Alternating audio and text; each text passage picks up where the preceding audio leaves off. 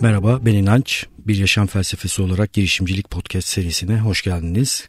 Girişimcilik üzerine konuşmaya, düşünmeye devam edeceğiz. E-postalar geldi. Ee, çok sevindirdi beni de. E, çeşitli sorular var. Yavaş yavaş hepsini bir bölümde olmamak üzere ele almaya çalışacağım. E, Mustafa yazmış. Öncelikle bir e, eleştirisi var. E, her bölümde linkleri koyacağını söyleyip podcast'te koymuyorsun demiş bana. E, haklı. E, çok kısa bir süre içerisinde bütün bölümlerin linklerini inançayar.com adresindeki podcast sekmesine koymayı planlıyorum. Az kaldı yani sabredelim. Yakında orada olacak. Bir soru sormuştum daha önceki bölümlerde size. Harvard girişimcilik programında bize sorulmuş olan sorulardan birisiydi. İşte etrafınızda bebekli anneler babalar olabilir. Siz bir bebekli anne baba olabilirsiniz. E, bununla ilgili bir iş fikri düşünebilir misiniz diye sormuştum. Öyle bir iş fikri göndermiş. Fikir şu. 3 yaşına yaklaşan bir çocuğum var demiş. E, öncelikle Allah bağışlasın diyoruz. Benim de işte 2 yaşını geçmiş olan bir oğlum var. E, onunla da keyifli vakitler geçiriyorum. Şu skutura binmeye başladı.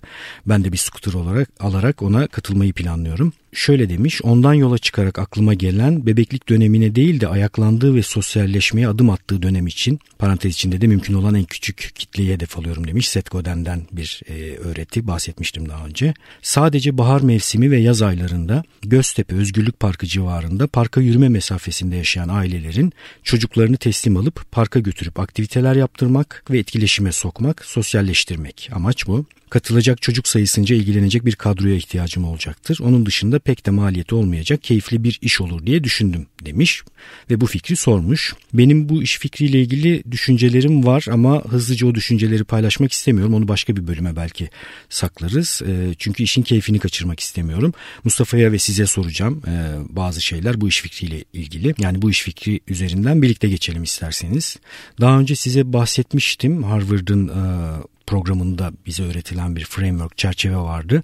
POCD çerçevesi yani İngilizce isimlerin baş harfleri People, Opportunity, Context ve Deal. Ee, insanlar, fırsat, e, bağlam ve deal yani anlaşma diye söyleyebiliriz. Karşılıklı yürütülen anlaşmalar. Ee, şöyle açımlayabiliriz. Bir girişimin başarılı olması için o girişimi kuran insanlar arasında iyi bir etkileşim olması gerekiyor. O girişimin ekosistemi içerisinde bulunan tedarikçilerle ilişkilerin yine iyi olması gerekiyor. Yani girişim ve etrafındaki insan ya da insanların arasındaki ilişkilerin iyi olması gerekiyor. Burada tek kişilik bir girişimden söz ettiğimiz için e, ekip içi etkileşim ve iletişimin iyi olması gibi bir e, sorunumuz yok. E, ama diğer ilişkilerdeki avantajları ve dezavantajları gözden geçirmek gerekir. Yani hizmet alacağı tarafları gözden geçirmesi gerekir ve hizmet vereceği tarafları gözden geçirmesi gerekir.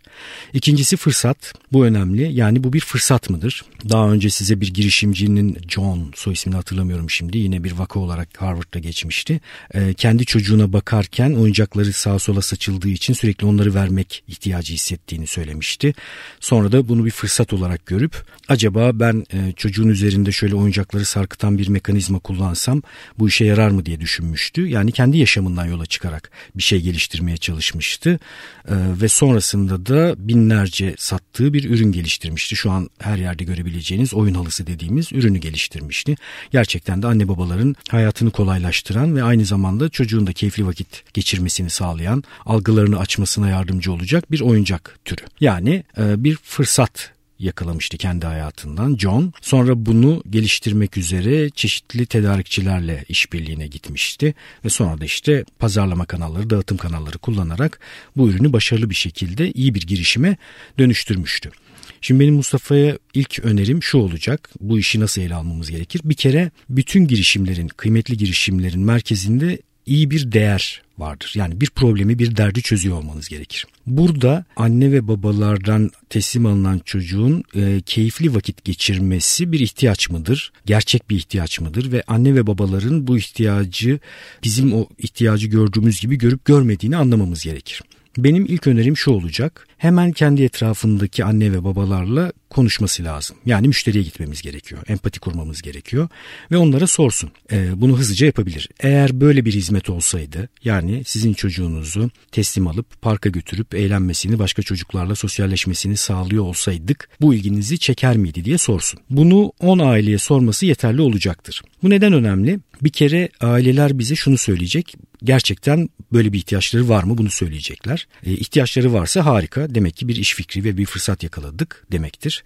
İhtiyaçları yoksa bile bu görüşme sırasında bize ilham verebilirler. Yani ne olsaydı acaba daha iyi olurdu diye bir şeyler söyleyebilirler. Ya da bu fikirde çalışmayan yerler nelerdir onu söylerler. Sıkıntılı yerler nelerdir onu söyleyebilirler. Hangi şartlar gerçekleşirse böyle bir hizmeti alırlar bunu söyleyebilirler. Bir başka nokta yine test edilebilecek o 10 aileyle yapılan görüşme sırasında böyle bir hizmete ne kadar para vermez, vermeleri durumunda çok aşırı para verdiklerini hissederlerdi. Ne kadar para verdiklerinde de ya bayağı ucuzmuş diye düşünürlerdi diye bir alt ve bir üst sınırı öğrenebilirsek bu da çok iyi olacaktır. Çünkü biz fiyatlamayı demek ki bu bant aralığında yapabiliriz demektir ürettiğimiz değere göre. Bu hızlıca test edilebilecek bir fikir. Hemen hızlıca 10 tane aile bulup onlarla görüşmesi gerekiyor Mustafa'nın.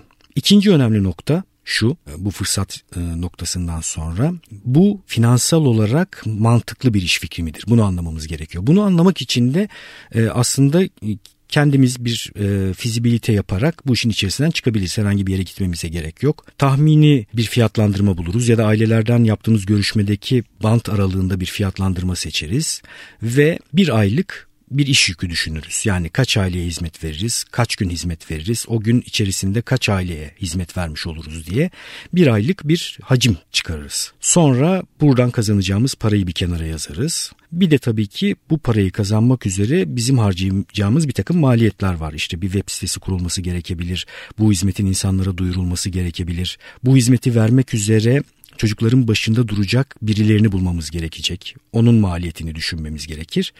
Bir aylık bir şeyi çıkardığımızda şunu görebiliriz şöyle söylemiştim ben size attığımız taşın ürküttüğümüz kurbağaya değmesi lazım. Yani bir fikr, fikrin değerli olması, insanların buna ihtiyaç duyması e, o fikri bir iş fikri yapmayabiliyor. Bu çok atlanan bir nokta. Daha önce size e, mentörlük yaptığım girişimlerle ilgili bir problem olduğunu da söylemiştim bunun. Temel problemlerden biri olduğunu söylemiştim. Çok başta düşünülebileceği halde fikrin bir iş fikri olup olmadığını test etmiyor girişimciler. Bunu test etmek lazım. Bir aylık kazancınızı hesapladıktan sonra bunun sürdürülebilir olup olmadığına bakmanız lazım. Yani e, bir yıl boyunca bu sürdürülürse nasıl olur? Buna bakmak gerekir. Bu size bu işin kalkışmaya değer bir iş olup olmadığını söyleyecektir. Tabi bir de büyüme faktörlerine bakmak lazım. Yani diyelim ki siz 3 kişilik bir ekiple bir hesap yaptınız ve diyelim ki hizmetiniz çok tuttu. Bu şeyi nasıl büyütebilirsiniz? Büyüdüğünde maliyetleriniz ne olur? Büyüdüğünde kazancınız ne olur? Bir fazlandırma yaparak birinci faz olarak az sayıda kişiyle rehberlik yaparak çocuklara başlayıp ne bileyim işte 3 kişiyle başladığınızı varsayın. Sonra bunun 10 kişilik versiyonunu düşünebilirsiniz bir faz olarak. Sonra belki 100 kişilik bir versiyonunu düşünebilirsiniz. Tek bir ilçede Göztepe'de başladığınız İstanbul'un diğer ilçelerine nasıl bu e, ölçeklendirilebilir? Öyle bir durumda ne yaşarsınız? Bunu düşünmeniz gerekir. Bunları düşünürken de e, POCD framework'ünde deal kısmına geliyoruz. Yani e, sadece sizin için avantajlı olmaması lazım bu işin. Buradaki tüm tarafların açısından kazan kazan olması lazım. Yani aileler mutlu olacak, siz mutlu olacaksınız. Bir de tedarikçileriniz yani o çocukların başında durup bu işi yürüten insanlar açısından da avantajlı bir iş olacak. Yani keyifli bir iş yapıyor olacaklar, motivasyonları olacak ve de iyi de bir para kazanıyor olacaklar. İşte bütün bunları birleştirdiğimizde elimizde başarılı bir iş fikri olacak. E, bundan sonrası zaten operasyon, execution, hayata geçirme, aksiyon. Doğru aksiyonları alarak, doğru kararları alarak, doğru satış ve pazarlama hamlelerini yaparak bu iş fikrini karlı bir iş fikri haline dönüştürmek mümkün. Şöyle bir derleyip toparlayacak olursak belki e, dinleyenlerden yine fikir söylemek isteyenler olabilir. Onlar da fikir söyleyebilirler. Ben daha sonra kendi fikirlerimi de söylerim. Mustafa da bu testleri yaptıktan sonra tekrar bana yazar diye ümit ediyorum. 10 aileyle görüştükten sonra bir de finansal hesabı yaptıktan sonra nasıl bir tablo var karşımızda onu hep birlikte görmüş oluruz. Ben de gerçekten merakla sonuçlarını bekliyorum. Mustafa'ya da ayrıca çok teşekkür ediyorum bu egzersizi yapmış olduğu için. Aranızda bu egzersizi yapıp e, yazmamış olanlar varsa bana yazabilirler. inanç.fikritesat.com adresine e-posta gönderebilirsiniz. Bu arada gelen e-postalarda inanç bey diyenler var. E, inanç ve nasılsınız diyenler var. Doğrudan sen diyenler var. Ben doğrudan sen denilmesini ve inanç denilmesini tercih ediyorum açıkçası. Çünkü ben e, sizinle böyle bayağı arkadaşça dostça bir sohbet içerisinde görüyorum bu podcast içerisinde kendimi. Cevaplarda da ben sen diye hitap ediyorum. Sizden de aynı şeyi e, görürsem mutlu olurum. İnanç diye yazabilirsiniz bana doğrudan. Bunun dışında e, aslında bölümlerle ilgili bölümler geçtikçe sizlerin ne düşündüğünü de e, bir yere kaydedebileceğimiz bir format düşünmeye başladım. Belki Twitter hesabı üzerinden ben bölümün linkini koyarım ve siz altına sorular sorabilirsiniz ya da görüşlerinizi yazabilirsiniz. Ya da Instagram üzerinden bunu yapabilirim. Şu anda tam emin değilim. Bu konuda düşünmeye devam edeceğim. Ayrıca bir başka şey daha düşündüm. Aktüel potansiyel ayrımından bahsetmiştik Aristo'nun.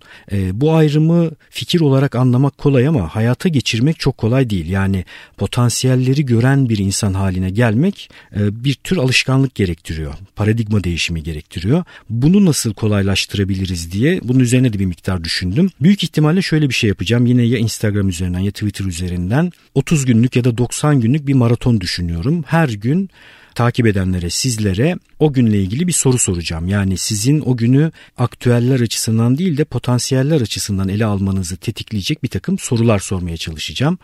Bu iyi bir fikir midir? Bunun üzerine de bana bir şeyler söyleyebilirsiniz, yazabilirsiniz ya da e, bu fikri nerede hayata geçirmemiz daha iyi olur konusunda yine fikirlerinizi söyleyebilirsiniz. Merakla bekliyorum sizlerin de fikirlerini. Ee, uzun bir süredir e, roman okumak üzerine konuşuyoruz. Roman okuyalım ve işte hayal gücümüz genişlesin, edebiyatla uğraşalım diyorum. Bunu aksiyona çevirecek bir şey geldi aklıma. Çok sevdiğim bir roman vardır böyle e, insanların hayatına roman okumayı sokması çok kolay olmadığı için garantili bir roman olsun istedim. E, Fransız Teğmen'in Kadını isimli bir roman vardır John Fowles'dan. Ben kime önerdiysem ve okuduysa John Fowles'un bütün kitaplarını da okudular. Bir de bolca teşekkür ettiler bana. Efsane bir kitaptır. Biraz kalıncadır ama ayrıntı yayınlarından çıkmıştı Fransız Teğmen'in Kadını. Şiddetle okumanızı tavsiye ediyorum. O kadar zeki bir yazar ki ben bir noktasında böyle e, okurken tabii şimdi spoiler vermeyeceğim. Durdum şöyle bir o noktaya geldiğimizde kitabı kapattım. Ya nasıl böyle bir şey yapabilirsin? Yani nasıl bir yazma türüdür bu? Nasıl mümkün olabilir bu diye böyle hayretimi kitabı kapayarak yaşamayı tercih etmiştim. Ee, umarım sizler için de öyle bir etkisi olur. Yine okuyanlar e, okuduklarında görüşlerini paylaşırsa, e, paylaşırlarsa çok memnun olacağım. Ee, şimdi bugün özellikle biraz fırsat üzerine, kendi fırsatlarımızı oluşturmak üzerine konuşmak istiyorum. Ee, Gary Vaynerchuk'ı takip etmeye devam ediyorum. Sürekli söylediği bir şey var ve ben de çok hak veriyorum. Ben de zaman zaman e, podcast içerisinde söyledim. Bir fırsatlar çağında yaşıyoruz. Yani eskiden insanların hayal bile edemeyecekleri bir takım araçlar ve bir takım imkanlar şu an elimizde. Ve bunlardan en temeli nedir? İnternet. Yani kendinizi görünür hale getirmeniz çok kolay. Değer üretmek artık çok kolay. Bir şekilde değer üretmeye başlamak gerekir e, diye düşünüyorum. Yine bir e, e-postadan yola çıkarak bunu söylüyorum. Kendisinden izin istedim. İsmini kullanıp kullanamayacağımı Türkiye dışından yazmış. Şehri söylemeyip ismi kullanabilirsin demiş. Tolga Türkiye dışına dünyada bir yerden yazmış. Teşekkür ediyor podcast için. Ben de ona teşekkür ediyorum. Tolga'nın bir iş fikri var. O iş fikri ile ilgili bir takım sorular sormuş. Biraz uzun olarak ele almak gerekeceği için onu başka bir bölüme bırakıyorum. Ee, sorduğu sorulara detaylı olarak cevap vermek niyetindeyim. Yine Ramazan yazmış. Ramazan e, bir çizer e, ve çizgi roman üzerine yazmış. Çizgi roman üzerine çalıştığından bahsetmiş. Kendisinden izin istedim bahsetmek üzere. Cevap geldiğinde ondan da bahsedeceğim. Şöyle yapalım bu arada. E-posta bana gönderdiğinizde bahsedilmesini istemediğiniz şeyleri bana yazın ki ben onları bahsetmeden diğerlerini bahsedebilir olayım. Yani çünkü tekrar cevap isteyip sonra o cevabı beklemek yavaşlatıyor. Ben de hızlıca podcastler içerisinde sizlerin sorduğu soruları ve vakaları ele almak istiyorum açıkçası. Onun için öyle yapalım. Yani nelerin bahsedilmesini istemiyorsanız podcast'te isminiz olabilir, soy isminiz olabilir, girişim fikri olabilir, vaka olabilir, yaşadığınız şehir olabilir. Onları not edin. Diğerleri benim açımdan bahsedilebilir olsun. Ben de bahsetmiş olayım böylece. Ee, yine Berk e, yazmış. Berk'in söylediği şey de odak meselesinin bu kadar görünür olduğu halde fark edilmemesini o da ilginç bulmuş. Ben de çok ilginç buluyorum gerçekten. Ee, geçenlerde yine Ozan'la sohbet ederken aramızda böyle bir muhabbet geçti en güçlü fikirlerden bir tanesi adeta. Yani insanı insan yapan şeylerden bir tanesi. Odağını içsel hale getirdiğinde insanlar başka hiçbir şey yapmadan da çok mesafe kat etmeleri mümkün. Bu podcast'i dinleyenler olarak muhtemelen sizler yavaş yavaş odağınızı içeri almaya başladınız. Sizi bir miktar zehirledim yani. Ee, zor bir durum içindesiniz. Bir kısmınız da fikri anladı, ikna oldu ama hala kaçamaklar yapıyor. Odağını dışarı atıyor ama en azından odağını dışarı attığında da muhtemelen bu podcast bir iç ses olarak onu takip ediyor. Bak şu anda odağını dışarıya attın e, ve aslında doğru bir şey yapmıyorsun diye hayat boyu kendilerini takip edecek bir fikir. Onun için çok sevinçliyim bu açıdan da. E, çünkü doğru olduğunu düşünüyorum. Herkesin odağını içeri alması gerektiğini düşünüyorum. Büyük ihtimalle başkalarıyla sohbet ederken artık e, o sohbetler sırasında onların odaklarını da tespit edebilir hale geldiniz. Yani size bir şey söylerken insanlar hangi odakla konuşuyorlar? İçsel odakla mı konuşuyorlar? Dışsal odakla mı konuşuyorlar? Bunu da fark etmiş hale geldiniz. Bu egzersizi yapmaya devam etmek lazım. Yani sürekli odağımızı içeride tutmaya çalışarak hayatımızı sürdürmemiz gerekiyor. Şöyle de düşünebiliriz. Bir şeyi gerçekleştirmeye kalkıştığımızda sormamız gereken tek bir şey var. Bu istediğim şey mümkün mü? Yani benim açımdan değil ama dünya üstündeki bir insan açısından bu gerçekleştirilebilir bir şey mi? Diyelim ki bir gelecekte bir durum hayal ettim, bir fikir hayata geçirdiğimi hayal ettim.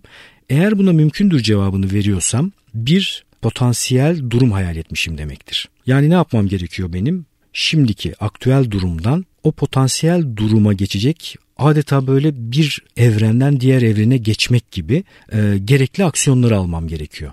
Bu aksiyonları al- alırken de temel aletlerim nelerdir? Odağımı hep içeride tutmak, sürekli öğrenmek, hızlıca hata yapmak, bu hatalardan ders çıkarmak bir de şunu söylemek kendimize sürekli eğer şu anki dünyamdan o hayal ettiğim dünyaya geçemiyorsam ve geçemediysem sorumluluk bendedir bir şeyi becerememişimdir, bir şeyi yapamamışımdır, doğru kaldıraçları kullanmamışımdır. Hemen hızlıca hangi dersi çıkarmam gerekiyorsa o dersi çıkarmalıyım ve sonra da yoluma devam etmeliyim. Şimdi internetten bahsettik. İnternetin çok güçlü bir araç olduğundan bahsettik. Ee, internet neden güçlü bir araç? Çünkü kendimizi görünür hale getirebiliyoruz e, ve girişimciliğin merkezinde değer üretmek olduğu için aslında ekonomik bir değer üretmek var girişimciliğin merkezinde. Ama ben insanlara girişimciliğe yeni başlayan insanlara şunu da öneriyorum. Ekonomik bir değer üretmeye başlamak biraz daha zor bir versiyon. Eğer bu versiyona geçemiyorsanız çeşitli neden, nedenlerden dolayı önce bir değer üretmeye başlayın. Değer üretmeye başladıktan sonra daha sonra ekonomik değer üretme versiyonuna da geçersiniz. Hele önce bir e, değer üretme kısmına başlayalım sonrası kolaylıkla gelir. İnternet üzerinden değer üretmek artık çok kolay hale geldi. Beni dinleyen sağlıkçılar olduğunu biliyorum, öğretmenler olduğunu biliyorum, kurumsalda çalışanlar olduğunu biliyorum ve her birinizin kendi alanında çeşitli uzmanlıkları var. Mesela sağlık sektöründe çalışanlar, insanlar sizin için çok bariz olan şeylere, bilgilere o kadar aç ki anlatılır gibi değil. Ben hep söylüyorum, verdiğim bir örnek vardır. Soğuk insanı hasta etmez diye. Ediz'le işte maceralarımız parka giderken uzaktan 14-15 yaşında çocuklar bana bağırıyorlar. Abi çocuğun üstünü ört aman üşümesin falan diye. Yani o kadar büyük bir çocuk yetiştirme ilkesi haline gelmiş ki bu. Adeta çocuk üşümezse başka hiçbir probleminiz yok gibi. Çocuk üşür tabii ki de üşümek hasta eden bir şey değildir. Daha önce de konuşmuştuk. Sadece soğuğun bizi hasta ediyor olması düşüncesinin yerleşmesinin nedeni soğukla hastalıkların yan yana gelmesi, ikisinin yan yana görülmesi. Neden yan yana görülüyorlar? Tekrar söyleyeyim. Çünkü soğuk havalarda kendimizi içerilere kapatıyoruz. Daha havasız ortamlarda yaşıyoruz. Daha çok bakteri yürüyor. Daha çok hasta oluyoruz. Bunları yan yana görünce de diyoruz ki ha soğuk hasta ediyor. Sorun doktorlarınıza. Soğuk insanı hasta etmez. Mesela bu kadar basit bir e, tıbbi fikir insanlara ulaşmamış durumda eğitimle ilgili, sağlıkla ilgili, hukukla ilgili insanlara ulaşmamış böyle ve onların hayatını kurtaracak, hayatını daha iyi hale getirecek, daha kaliteli hale getirecek bir sürü fikir var.